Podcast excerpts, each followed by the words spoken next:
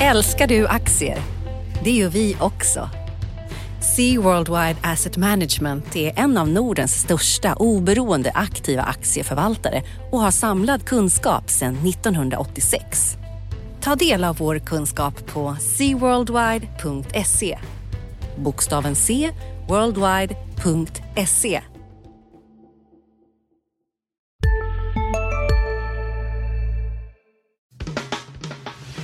Analyspodden från Dagens Industri. Hej och välkommen till Analyspodden. Eh, bakom spakarna idag har ni mig, Johan Wendel, reporter och analytiker på Dagens Industri och eh, med mig har jag Felicia Åkerman, eh, också reporter och analytiker på Dagens Industri. Välkommen Felicia! Tack så mycket! Hur är läget? Jo då, det har varit en smockad vecka på makrofronten. Jag har precis suttit med eller sitter fortfarande ska jag säga, med eh, tjänste-PMI som har rullat in här. Eh, så det är bra, det är kul när det händer grejer. Ja, och det verkar vara positiva händelser till övervägande mm. del. Om vi tittar börsen igår så gick den upp och idag, då, fredag den 3 juli, så är börsen upp 0,5 procent här på förmiddagen. Och vi fick en pangrapport, som vissa beskrev den i alla fall, från USA igår där jobbsiffrorna överraskade på uppsidan. Håller ja. du med om det? Eh, ja och nej. Alltså, mest ja. Det är ju ändå, vi kan ju summera. Eh, 4,8 miljoner nya jobb. Bra bit över eh, vad folk hade väntat sig. Förväntningarna låg någonstans kring 3 miljoner. Eh, och eh, arbetslösheten på 11,1 procent, vilket också var bättre än väntat. Men här kommer brasklappen. Man har fortfarande problem med datainsamlingen. Inte lika stora problem som vi hade eh, förra månaden men fortfarande lite problem. Så om man justerar för det, om man justerar för de här personerna som liksom kategoriseras fel, eh, som kategoriseras som att de inte är arbetslösa fast de är det, eh, så låg arbetslösheten ungefär en procentenhet högre, vilket faktiskt var i linje med förväntningarna i stort sett. Så det är en, det är inte lika svårtolkat som förra gången, men det är fortfarande så att det är kanske inte riktigt så bra som det ser ut vid en första anblick.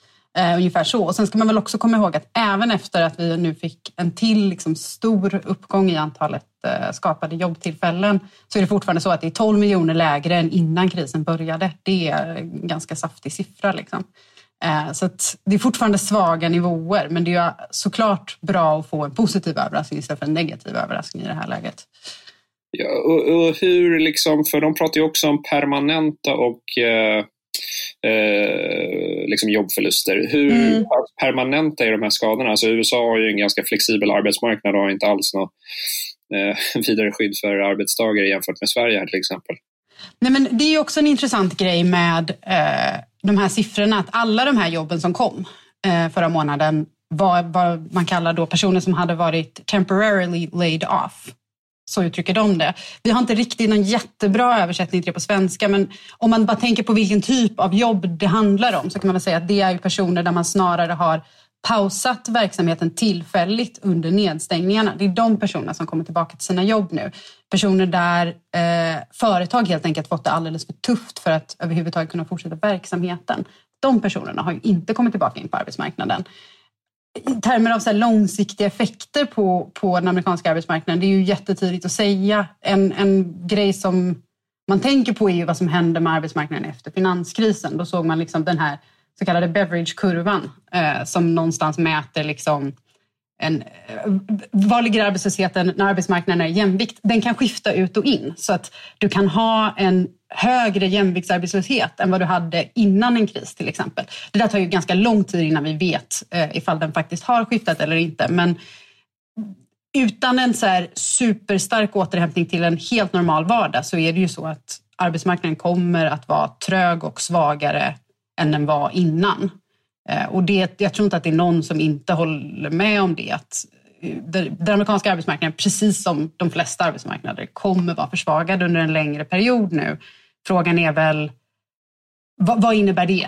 Eh, innan krisen hade vi ju rekordlåg arbetslöshet i USA, så att ur det perspektivet så kanske det nya normala så att säga inte är så farligt egentligen om vi jämför liksom med, med historiska nivåer och sådär. Men en annan grej som blir intressant att se och som vi fortfarande inte riktigt kan säga något om än, men som kommer här under sommaren. Det är ju som du sa, den amerikanska arbetsmarknaden skiljer sig mycket från den europeiska. Och de amerikanska insatserna för att stötta arbetsmarknaden skiljer sig också mycket från de europeiska. Där man snarare har tittat på saker som att tillfälligt höja arbetslöshetsförsäkringen för att liksom stimulera och, och, hålla igång någon sorts efterfrågan i ekonomin även när folk har blivit av med sina jobb till skillnad från liksom system med korttidspermitteringar. Eh, sen har man lite sådana grejer också i det här Payment Protection Program som det kallas, som i princip går ut på att man stöttar företag för att de inte ska behöva göra sig av med sin arbetskraft. Eh, men, men alla de grejerna är liksom, för det första löper de ju ut snart allihop på ett sätt som till exempel det svenska korttidspermitteringssystemet inte gör, utan det kommer ju ligga kvar. Det var ju något vi var inne på att vi skulle ha redan innan krisen, så att det kommer ju fortsätta liksom sätta någon sorts botten för hur djup nedgången på arbetsmarknaden kan bli eh, i Sverige. Nu är det ju ganska troligt att amerikanerna förlänger många av sina insatser. Jag skulle inte vilja vara den liksom, kandidat till ett val i höst som säger nej, jag tänker nog inte göra något mer här. Nu får vi helt enkelt ha en hög arbetslöshet. Men, men det finns ett osäkerhetsmoment där som ska bli intressant att se hur det spiller över på efterfrågeeffekter, hur det påverkar sällanköpshandeln till exempel, som är en så klassisk konjunkturindikator. Eh, man kan ju inte riktigt komma ifrån, jag vet att jag ofta tjatar om arbetsmarknaden, men man kan som inte komma ifrån att eh, hushållens konsumtion är en så himla viktig pusselbit i hur mycket ekonomin växer, särskilt i ett land som, som USA eller eh, i utvecklade ekonomier generellt. Det ska bli superintressant att titta på det framöver. Sen också en annan grej som gör det lite svårt med just de här siffrorna är det faktum att de publicerar ju sin sysselsättningsstatistik jättetidigt eh, varje månad. Eh, mycket tidigare än någon annan. Och det är för att de avslutar sin datainsamling mycket tidigare också. Fram till den 15 i månaden samlar de in. Och de senaste veckorna så det ju, kan ju knappast ha undgått någon att vi har sett smittotalen stiga igen i delar av USA. Hur det påverkar sysselsättningen framöver hur det redan har påverkat vet vi inte utifrån den här siffran och hur det fortsätter att påverka vet vi inte heller. Jag såg någonting om att Texas går fram med eh, nya hårdare regler kring liksom munskydd och sånt där. Möjligt att vi kommer se nedstängningar i vissa städer eller vissa regioner som ju också påverkar sysselsättningen negativt och det är framförallt så att vi har sett det gå upp i ganska folkrika delstater och det är ju lite illavarslande. Det är något man får ha i bakhuvudet även när man smälter 4,8 miljoner jobb. Liksom. Ja men absolut och jag tänkte det här som du pratade om där hushållskonsumtionen är väldigt viktig för arbetsmarknaden tar vägen. Eh, det vi har sett ändå det här med, det är ju tacksamt att vinkla ur liksom medieperspektiv det här med det här landet har en lockdown, Sverige har inte och så vidare. Mm. Men det vi har sett är väl att eh, epidemins eh, utbredning är minst, kanske föga förvånande, minst lika viktig för eh, hushållens konsumtion. Om, om man är rädd för att dö går man inte ut och äter på restaurang. Och, eh, nu har Nej, man sett sådana här tidiga indikationer på, just som du är inne på, de här folkrika delstaterna, Texas, Florida och så vidare. Mm. Eh, där vi har en epidemi just nu. Uh, och uh, allt annat lika är ju det inte bra för ekonomin, med, och allra minst för människorna som bor där. Nej, precis. Sen ska ju dock sägas, alltså jag tenderar ju att vara ganska pessimistisk eh, av mig, men man, man, man, ska ju också notera att så här, jag har ändå varit lite förvånad över vilken eh, motståndskraft som har funnits i hushållskonsumtionen hittills. Alltså om man rensar bort för det faktum att i vissa länder så ser man ju väldigt tydliga jättestora tapp, men det är för att man faktiskt inte har fysiskt kunnat konsumera för att det har varit så himla stora nedstängningar. Men där det inte har varit det, även länder som har haft hårdare nedstängning än vad Sverige har haft tycker jag att vi har sett liksom en, en, ändå en motståndskraft i det. Det behöver inte betyda att ah, nu är allting fine och, och bra liksom, eh, när det börjar öppna upp igen. Det kan ju vara så att det kommer senare effekter och det beror ju mycket på smittspridningen. Eh, hur den påverkar till exempel eh, fastighetsmarknader och sådär. Det, det, har ju en effekt på hur hushållen är villiga att konsumera. Hur man uppfattar risken för att bli arbetslös framöver, hur lång tid det tar att komma tillbaka.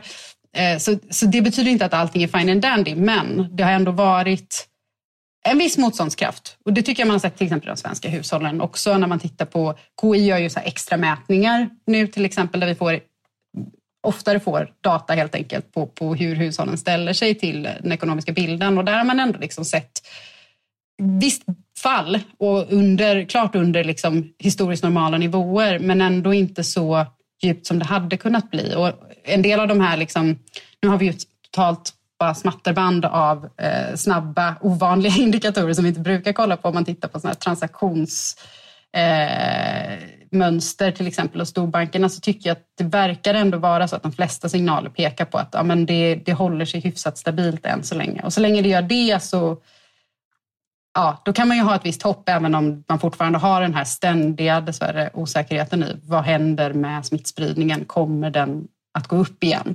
I vilka delar av världen går den upp igen? Eh, hur, hur möter man det? Möter man det med stora nedstängningar eller möter man det med, med andra metoder nu? Det är också en ganska öppen fråga. Liksom. Jag har lite svårt att föreställa mig att även vid en tydlig andra våg, att vi kommer se exakt samma typ av nedstängningar som vi gjorde nu under våren. Om inte annat så av den enkla anledningen att man har liksom redan varit där och rimligtvis borde man ha dragit vissa slutsatser som gör det lättare att vara lite mer kirurgisk i sin, i sin eh, smittspridningsstrategi än vad man var eh, i våras när allting bara stängde ner. Men ja, det där är ju liksom långt utanför mitt kompetensområde så jag ska inte spekulera för mycket i det. Jag tycker att du är bra på att spekulera så att, eh, jag har ingenting emot det. Men, eh, ja, men kanske inte alltid har rätt dock, men det är en annan femma. Men du ska få prata om ett eh, av dina andra expertområden här, för vi fick mm. ju också ett eh, räntebesked från Riksbanken här i mm. veckan. Eh, på, på räntefronten var det inte ett nytt. Där fick vi en bibehållen nollränta och det var väl inget som förvånade någon. Riksbanken verkar vara väldigt ovillig att gå tillbaka till en minusränta. Man kanske inte var så nöjd med det föll ut, men vi fick lite andra besked här. Kan du prata igenom vad vi vad vi fick där, Felicia? Ja, eh, man gjorde lite justeringar av, av lite andra räntor som riktar sig mot eh, banksektorn. Eh, egentligen bara det stora hela är att man fortfarande vill säkerställa liksom den här utlåningen till både hushåll och företag och man ger banksektorn eh, mer eh, gynnsamma villkor för att stimulera eh, kreditgivningen. Eh, så det är den ena biten. Den stora biten är vad som händer med tillgångsköpen. Eh, och det var väl där som så här, det var ju inte kanske det mest dramatiska, intressantaste, roligaste beskedet någonsin. För det var ändå hyfsat väntat. Men, men det var väl kanske lite överraskande att man valde att förlänga och utöka stödköpen redan nu istället för att vänta till efter sommaren som de flesta som jag följer ändå liksom hade trott på. En del trodde att de skulle agera redan nu men, men det kändes ändå som att de skulle ha kanske väntat till september. Nu valde de att göra det med en gång istället. Och det är egentligen inte liksom Eh, det är, inte ett, det är nog inte för att de ser en så otroligt akut situation just nu, men däremot så är det väl så att det som hände under våren var ju att centralbanker världen över lyckades stoppa ett, ett förlopp som hade kunnat leda till liksom en finansiell härdsmälta också, uppe på toppen av liksom hela den här pandemikrisen. Eh, och nu står vi inte så nära det längre, men vi står inte så långt ifrån det att de är bekväma med att bara sitta still i båten och vänta utan man vill liksom ligga lite före, vara lite proaktiv, visa att vi, vi är med även här under sommarmånaderna. Eh, och vi tänker inte tillåta en eh, liksom, tydlig uppgång i, eh, eller en tydlig åtstramning av, av eh, de finansiella förhållandena i ekonomin. Eh, utan det ska fortsätta liksom flöda likviditet och flöda pengar här. Och sen då i det så valde de att gå fram och utöka tillgångsköpen till att även inkludera företagsobligationer. Och det var ju inte heller liksom sådär jätteoväntat. Det är flera centralbanker som redan har gjort det. En del av dem sedan länge och en del eh, nu under den här krisen. Det är inga stora summor vi pratar om just nu, men det är ju liksom ett så här, man tar ju ett kliv in på en marknad som är för det första lite mer komplicerad, som man inte är van vid att vara inne på. Den är heller inte särskilt stor, så att effekterna av att Riksbanken kliver in kan bli ganska stora. Eh, jämfört med till exempel när man, gick in, när man först började gå in och köpa statsobligationer som ändå är en betydligt större marknad i Sverige. Eh, och, och det, jag, jag, har suttit och tänkt mycket på hur, att Stefan Ingves liksom gick tillbaka och jämför, gjorde den här jämförelsen med när man klev in på statsobligationsmarknaden för många herrans år sedan. Att då började man också med de här små köpen. Eh, och vi vet ju vart det slutade någonstans. Det slutade ju med att balansräkningen och primärt då köpen av statsobligationer är den stora grejen som man jobbar med idag. Man jobbar liksom inte med räntan längre. Visst, absolut, den officiella linjen är att det finns inte något golv för styrräntan, men med så låga inflationsprognoser som man har just nu, att man då inte väljer att använda räntan, då måste, jag, jag ser inte hur man kan dra någon annan slutsats än att man vill inte tillbaka till minusräntan helt enkelt. Man kan kanske inte säga det rakt ut men det känns ganska tydligt att Riksbanken har dragit slutsatsen av sina erfarenheter att minusränta inte är värt det. Så nu ligger vi på nollränta och så jobbar vi med balansräkningen istället helt enkelt. Ja, men, och, och de, eh, nu, om, om eh, påminner lyssnarna om den här klassiska igelkotten, det vill säga där vi ser den här klassiska grafen. Jag tror den kommer från Nordea från början. Ah. Man ser eh, reporäntans faktiska utfall kontra då Riksbankens prognoser. Eh, nu ah. var Andreas Wallström på Swedbank här som uppmärksammade att det var en ganska låg prognos från Riksbanken nu för reporäntan, noll under överskådlig tid. Ja, den ligger ju väldigt platt alltså. Eh, och det var, det var ju också superväntat att, att man inte skulle göra någonting med den. Jag tror att det kommer ta ett bra tag innan man känner att man kan gå tillbaka till liksom, Eh, Eh, de här små strecken som sticker upp. Eh, så det är ju ett bryt liksom på det sättet. Men det är också så här, vi, vi har ju stått där ett tag. Vi har ju vetat att det kommer vara låga räntenivåer under väldigt lång tid. De kommer antagligen, alltså, den nominella reporäntan kommer nog inte sänkas härifrån. Det börjar kännas mer och mer osannolikt, men den kommer ju inte höjas på länge heller. Eh, så det där igelkottsdiagrammet blir ju liksom en platt linje framöver istället. Men, men jag tänkte vi skulle prata lite om uh, här, för som du är inne på, företagsobligationsmarknaden i Sverige är inte mm. jättestor. Mm. Men en bransch som den är ganska viktig för är ju uh, fastighetsbranschen. Där när det var som mm. värst under mars och april där att uh, vi hotade få en finansiell kris, då var det ju fastighetsbranschens finansiering där som var hotad på just den här marknaden. Nu verkar det ha kommit igång lite. Vi ser lite smått affärer igen i sektorn här. Vi har ju ett miljardköp från SBB idag, då, Ilja Batlans eh, fastighetsbolag här som gör ett köp i Norge. Vi har sett lite andra små transaktioner. Jag tror det kommer komma igång här eh, under eller efter sommaren här eh, med, på den här transaktionsmarknaden för det har varit rätt eh, lugn alltså. Eh, sen är det intressant med fastighetsbolagen där tycker jag i alla fall att eh, det har ju, man kan kanske säga att det har blivit lite ett A och B-lag eh, tydligt där, där de som har en större bostadsexponering har en eh, liten premie kontra substansen medan eh, eh, då, då de som har en retail-exponering eller en kontorsexponering har ju fått en rabatt. Vi kan titta på liksom, Atrium Ljungberg är det mest tydliga exemplet där och de skrev ju också ner värdet på sina fastigheter i Q1. Men det där är ju spännande. Vi har ju några liksom, trender här nu som vi får väl utvärdera om några år. Men dels har vi den klassiska lågkonjunkturen som vi är i nu. Mm. Det allt annat lika borde inte vara bra för kontorsfastigheter eh, som har varit en stekhet marknad de senaste åren. Eh, sen har vi ju den här som vi får komma tillbaka och utvärdera, det vill säga work from home eh, trenden här och hur det påverkar efterfrågan på kontorsplatser. Men vi har ju den här podden till exempel från varsitt hem, Felicia. Precis. Eh, och eh, där kanske är något så här att vi går tillbaka och det blev som vanligt eh, som det var innan krisen eller så har det här snabbat på någon sorts förändring.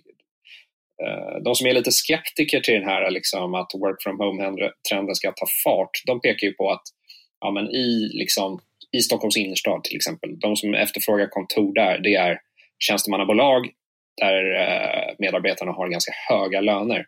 Och mm. I en sån situation så är liksom kostnaden för din lokal är en försvinnande liten del. Utan det är lönerna som kostar eh, och sociala avgifter och så vidare. Och att dra ner på kontorslokaler då, det är inte logiskt.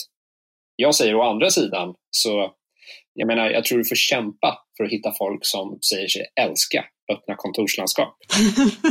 ja, det tror jag också. Ja, ja men och, och Även om det inte är liksom den stora kostnaden, varför skulle man inte försöka dra ner på en kostnad? Det är lite ja, det är, en väldigt, det är en så väldigt enkel kostnad att dra ner på i, som får direkt effekt i resultaträkningen. Och just då öppna kontorslandskap är också en sån, liksom, det är väldigt enkelt att realisera besparingen, det vill säga mm. mindre kontorskostnader. Det är svårare att mäta den andra sidan, det vill säga tappar vi effektivitet på det här eh, blir medarbetarna mer störda i det här eh, liksom ljud, ljudiga landskapet och så vidare. Sånt är mycket svårare att mäta och därför tillmäts det inte lika stort värde. Mm. Eh, och, och, så tror jag kommer vara med lite work from home-trenden. Ja, vi kanske blir lite mindre effektiva och så vidare. Men här har vi den här kostnadsbesparingen istället.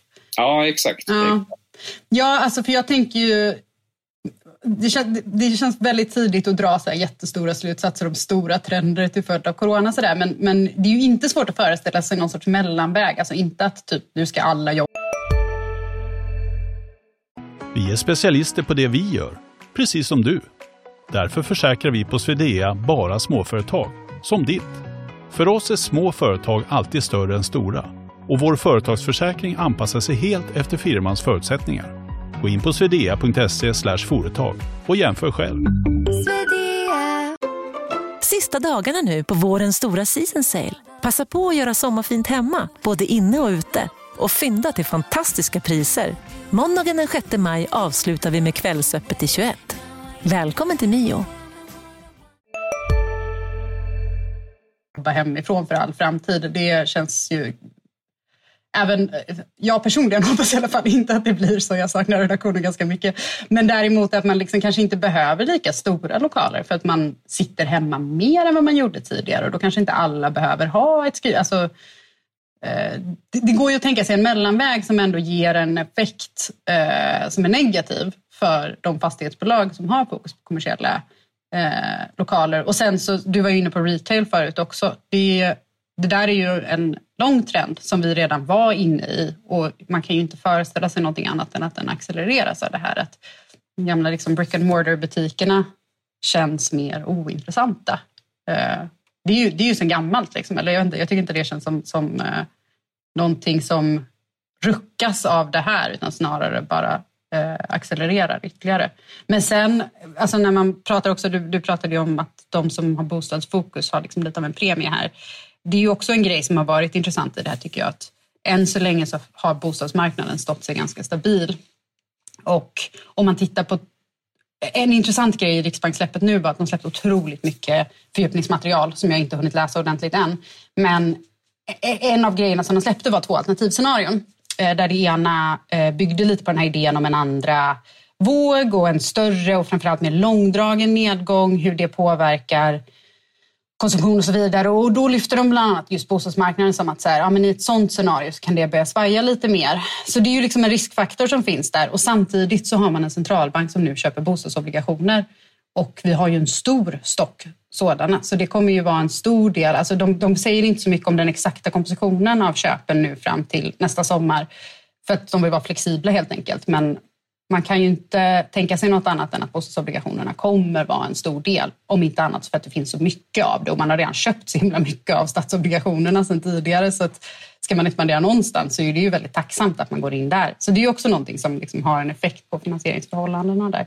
Det där tycker jag är intressant därför att eh, vi har ju sett på, eh, om vi, om vi kollar bolånemarknaden då, så har ju ändå storbankerna behållit ganska framgångsrikt ett eh, oligopol på den här marknaden. Det har varit svårt för nya aktörer att slå sig in. Det mest spektakulära var väl kanske det här äh, enkla som var för äh, ett, två år sedan de har ju inte lyckats eh, alls där. Det är svårare att få ihop den här finansieringen och kombinera med kreditprövning och så vidare än man, mm. man har trott.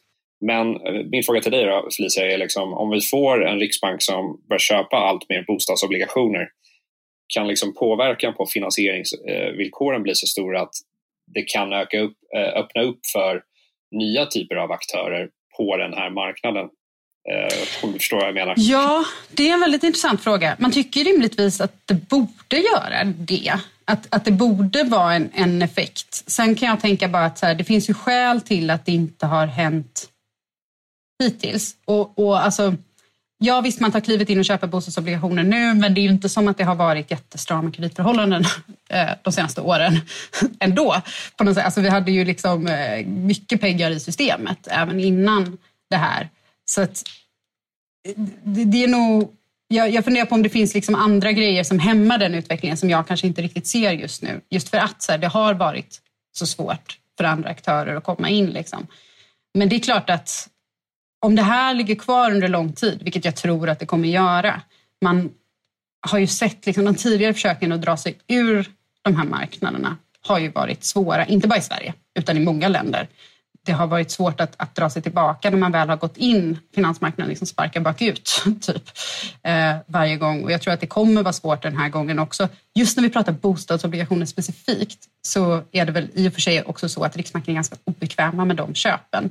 Man har spenderat så många år med att varna för problemen med skuldsättningen och för att varna för eh, bostadsmarknaden generellt.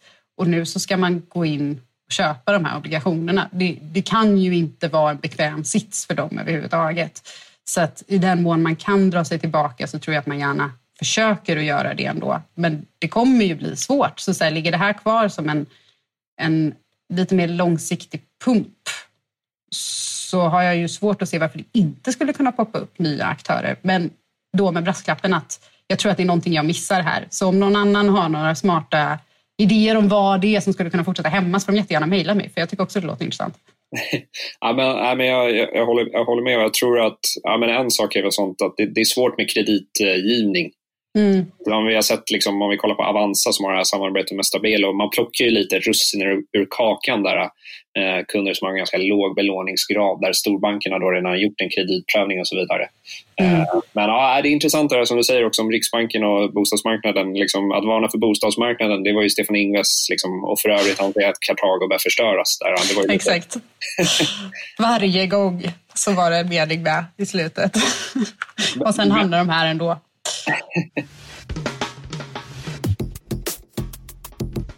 Men, men jag tänkte, ska vi också gå in lite på en annan sån här coronapåverkad bolag och sektor då, mm. Eh, överlag är ju eh, SAS. Ja. Man ryckte ut en räddningsaktion här tidigare i veckan. Eh, och eh, det är ingen hemlighet varför. Kikar vi på deras senaste rapport här som kom i slutet av maj så har de ju ett eh, kassaflöde från löpande verksamheten här i andra kvartalet, det vill säga februari till april. Det låg på nästan minus 1,8 miljarder kronor. Så att, mm. Och det är, väl, det är väl ingen som har missat att det är få som flyger numera.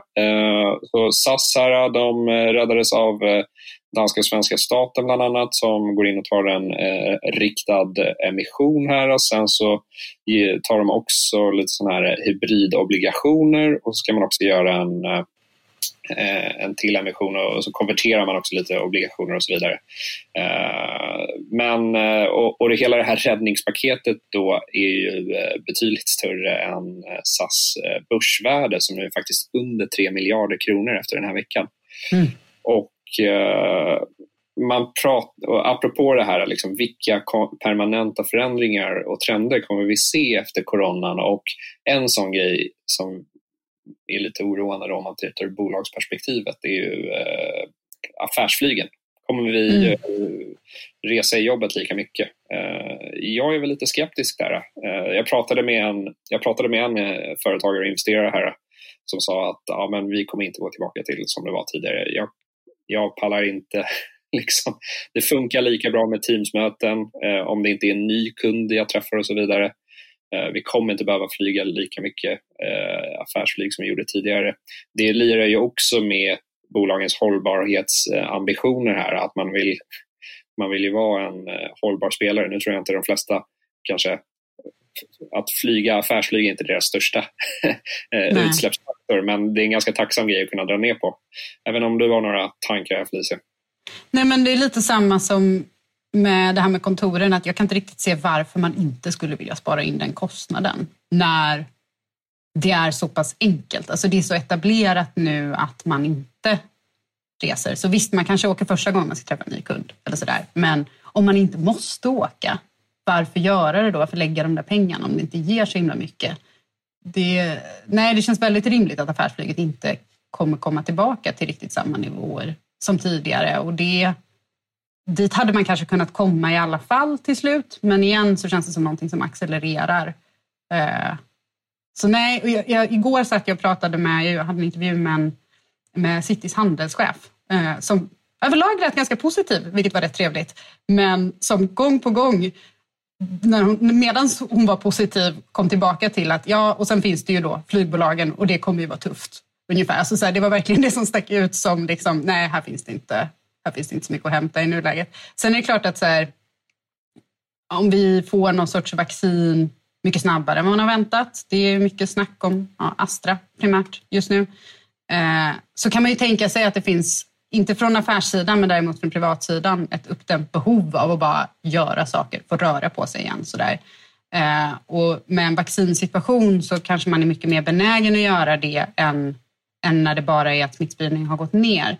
Men det där är fortfarande så himla osäkert hur det kommer utvecklas. Jag har lite svårt att sätta något sorts hopp till det överhuvudtaget. Utan jag tror att det kommer fortsätta vara ganska tufft och, å andra sidan då, då, om vi ska vara lite, ta, se det från andra synvinkeln, så mm. efter 11 september, eh, då var det också, nu var det kanske lite för vår tid, både din och min, ja. men då var det ju också samma sak. Vem kommer vilja sätta sig på ett flyg efter det här? Ja. Ja. Eh, och så dröjde det inte så länge innan flygbranschen var tillbaka och sen så eh, växte det allt mer. Så att, eh, ja, man ska inte ropa hej eh, för alldeles för tidigt. Sen kan det ju vara så också att vi får en eh, teknisk innovation som gör att det blir miljövänligare att flyga, alltså biobränslen blir mer effektiva, elflyg och så vidare som det pratas om. Men eh, det kanske inte är någonting som ligger några kvartal bort utan det är år eller årtionden. Nej, det känns som att det ligger ganska långt bort. Jag, för inte så länge sedan så skrev jag en grej som handlade lite om det där och, och bara, bara en sån grej som den psykologiska faktorn i det. Att de som faktiskt reser ska vara okej okay med att gå över till ett nytt bränsleslag. Eh, bara det gör det svårt, än mindre den tekniska utvecklingen. Så jag har svårt att se att det ligger jättenära i tid eh, med någon sorts så grönt flyg. Liksom. Det, känns, det känns ganska osannolikt. Ja, eh, och det kan man bara säga det, som du var inne på vaccin, bara nämna det kort att vi fick ju, mm. lite, vi fick ju lite bra vaccindata här också från, ett, från en ny studie här. Det är Pfizer och Bioinvent som har ett samarbete kring en eh, potentiell vaccinkandidat här och eh, initiala datan såg bra ut. I alla fall säkert. Det var inga större biverkningar av det här äh, vaccinet. De patienterna som har fått det här, det var ett, en hel del som hade fått feber, liksom, framförallt om man hade fått högre doser av vaccinet. Men, men liksom inget, inget mer än så och man har haft lite problem att sova och så vidare initialt. Men det var inga inga, inga farliga bieffekter på sikt. Uh, och, och, det är ju den första stegen. Nu ska man, nu ska man se hur effektivt det här är. Då. Uh, bortsett från att det är säkert och, och, det är alltid svårt. Men uh, jag reagerade på att uh, Scott Gottlieb som är då, uh, han är contributor på CNBC men han är också gammal FDA commissioner och vi ska säga också att han är styrelseledamot i Pfizer. Men han sa att, och han har varit lite så här, du vet, ja, det kommer komma eh, behandlingar innan vaccin och så vidare. Men han, han, sa att vi kommer få ett vaccin mot det här viruset. Han var övertygad, men det dröjer ju till jul kanske liksom nästa år. Uh, men... Jul nästa år? Nej, uh, alltså jul ah, eller, eller jul, i början av nästa år. Ah, okay. Jag tänkte det, var, oj oj oj. Jag förbereder mig på att sitta kvar vid det här skrivbordet i ett år till. Herregud. Ja, nej men precis. Är det det tidsperspektiv man pratar nu, liksom eh, årsskiftet plus minus något kvartal. Ja, och sen så det är alltid, det är alltid knepigt för liksom, eh, att ta fram ett vaccin är alltid bara halva slaget. Sen ska är leveransen nyckel också. Du mm. har kommer ha en skriande efterfrågan på det här vaccinet. Eh, alltså det, det, kan vara sådana här knepiga grejer att det kan, få, eh, det kan vara problem med att tillverka tillräckligt mycket, många sådana här glasbehållare.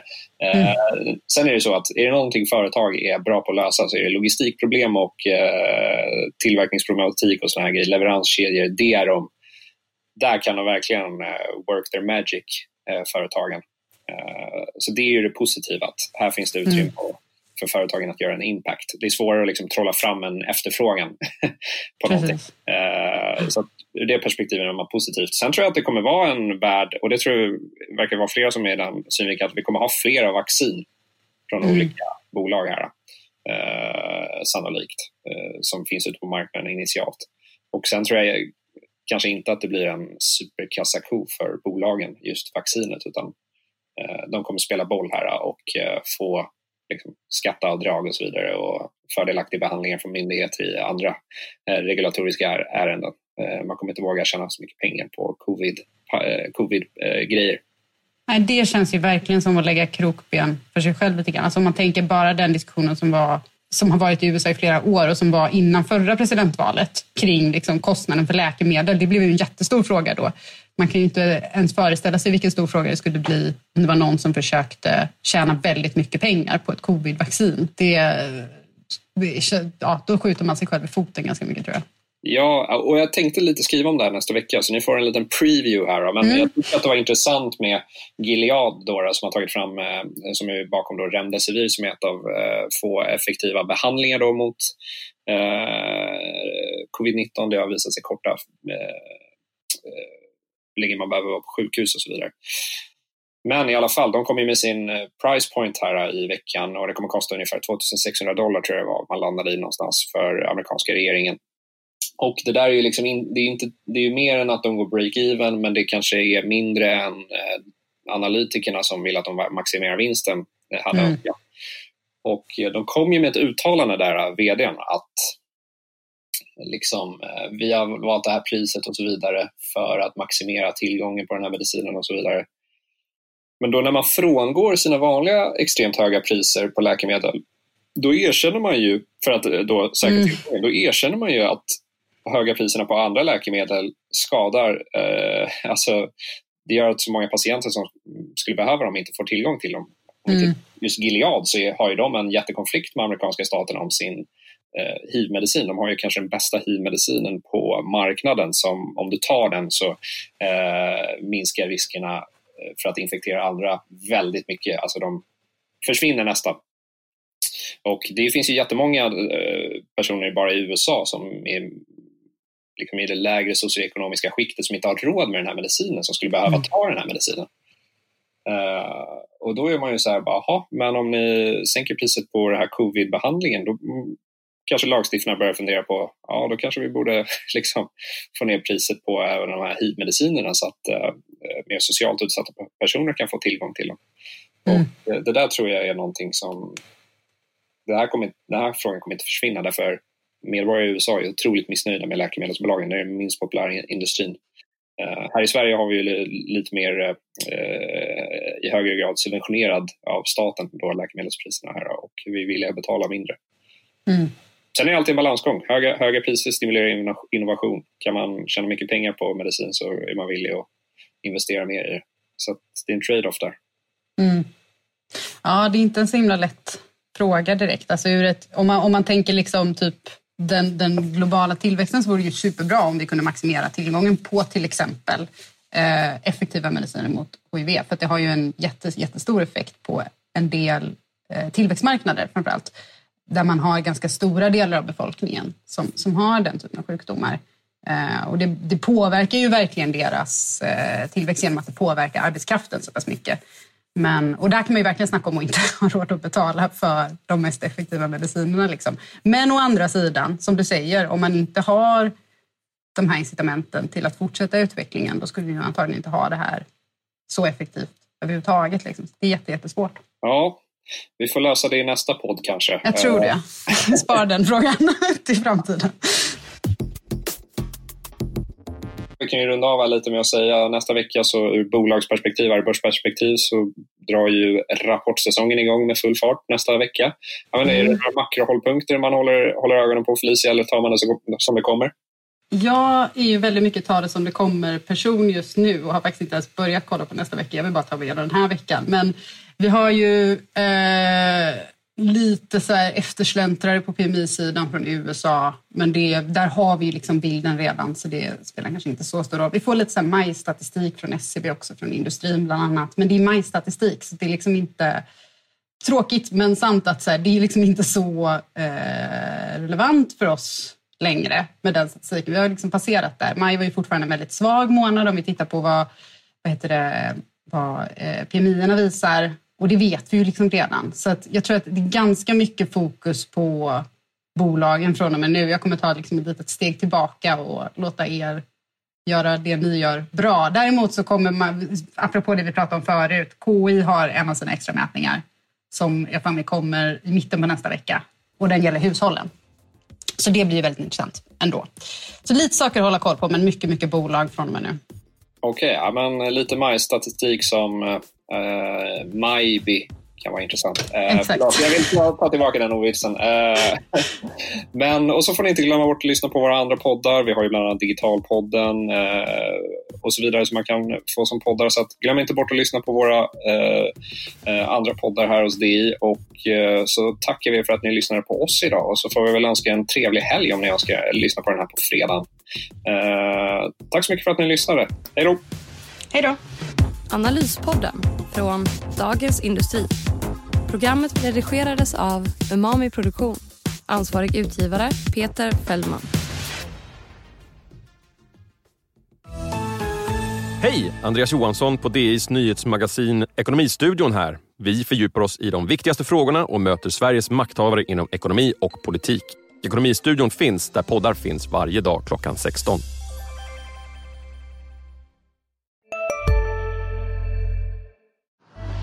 Älskar du aktier? Det gör vi också. Sea Worldwide Asset Management är en av Nordens största oberoende aktiva aktieförvaltare och har samlad kunskap sedan 1986. Ta del av vår kunskap på seaworldwide.se. Bokstaven C, worldwide.se